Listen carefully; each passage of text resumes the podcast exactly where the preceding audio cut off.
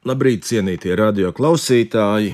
Mani sauc Gunārs Ceipe, esmu vēsturnieks un brāļdraudzes vadītājs.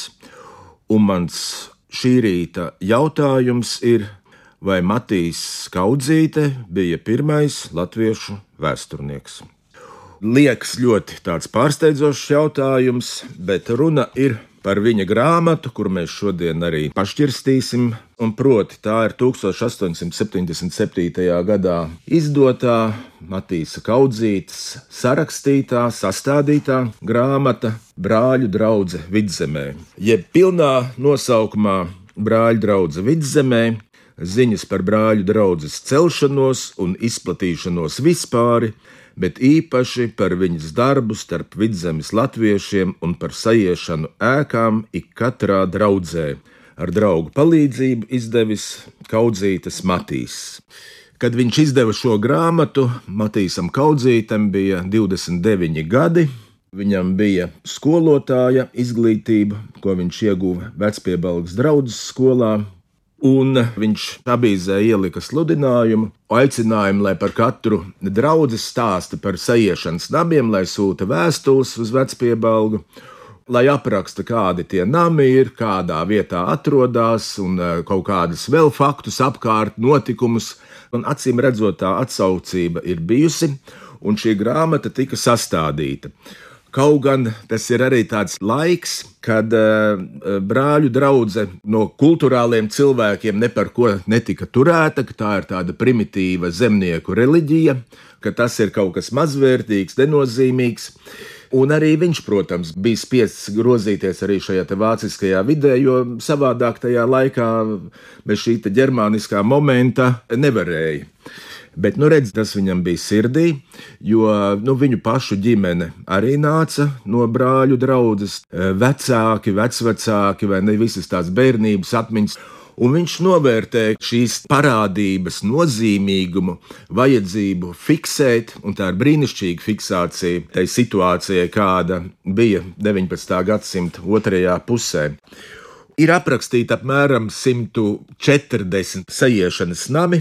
Tas ir vēsturisks darbs. Katrā ziņā tas ir oriģināls pētījums, grāmata, un pirms viņa tieši Latvijas tādu vēstures pētījumu nu, man tādas ziņas nav. Ir kaut kādi tulkojumi, pārrakstījumi. Katrā gadījumā garlības mērķelis tas ir kā mākslas darbs, nevis vēstures darbs. Tā kā Matīsam Kaudzītam par to paldies, ir, un šī ir tāda, nu, briljanta vērtība, kas cerams arī grāmatas veidā atkal ieraudzīs dienas gaismu. Pagaidām viņa ir elektroniski iznākusi, un arī tas unikālais fakts ir, ka viņš nevis e, raugās uz katru atsevišķu sajiešanas namu, bet vienlaikus, ka viņš šo kā tādu vienotu sistēmu aplūko. Simts gadus vēlāk e, cits rakstnieks Arthurs Baumans, kam ir brīnišķīgā triloģija Hernhūtieši astoņas grāmatas, tas ir Amerikā 70. gados izdots. Tad intervijā Baumanis to nosauc par vidzemes ķēnišķo, politisko un reliģisko ziedu, proti sajiešanas kambaru sistēmu tie visi tie 150 un vairāk tie sajiešanas nami, kas ir bijuši, tas nav kaut kas atsevišķs, bet tā ir arī viena sistēma.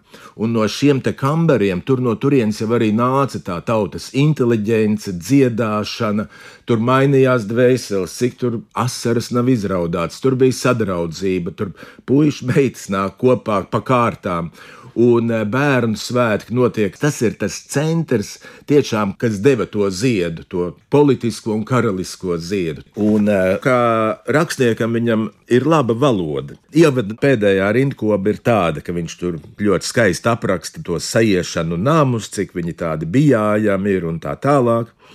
Un noslēgumā viņš saka, nu, mīļo lasītāji, es nomanu, ka tevim tīkās dzirdēt ko neko par šīm ēkām, Tā labi iesim, nosēdīsimies pie kādas un paklausīsimies, ko viņas stāsta par savu pagājību un tagadni.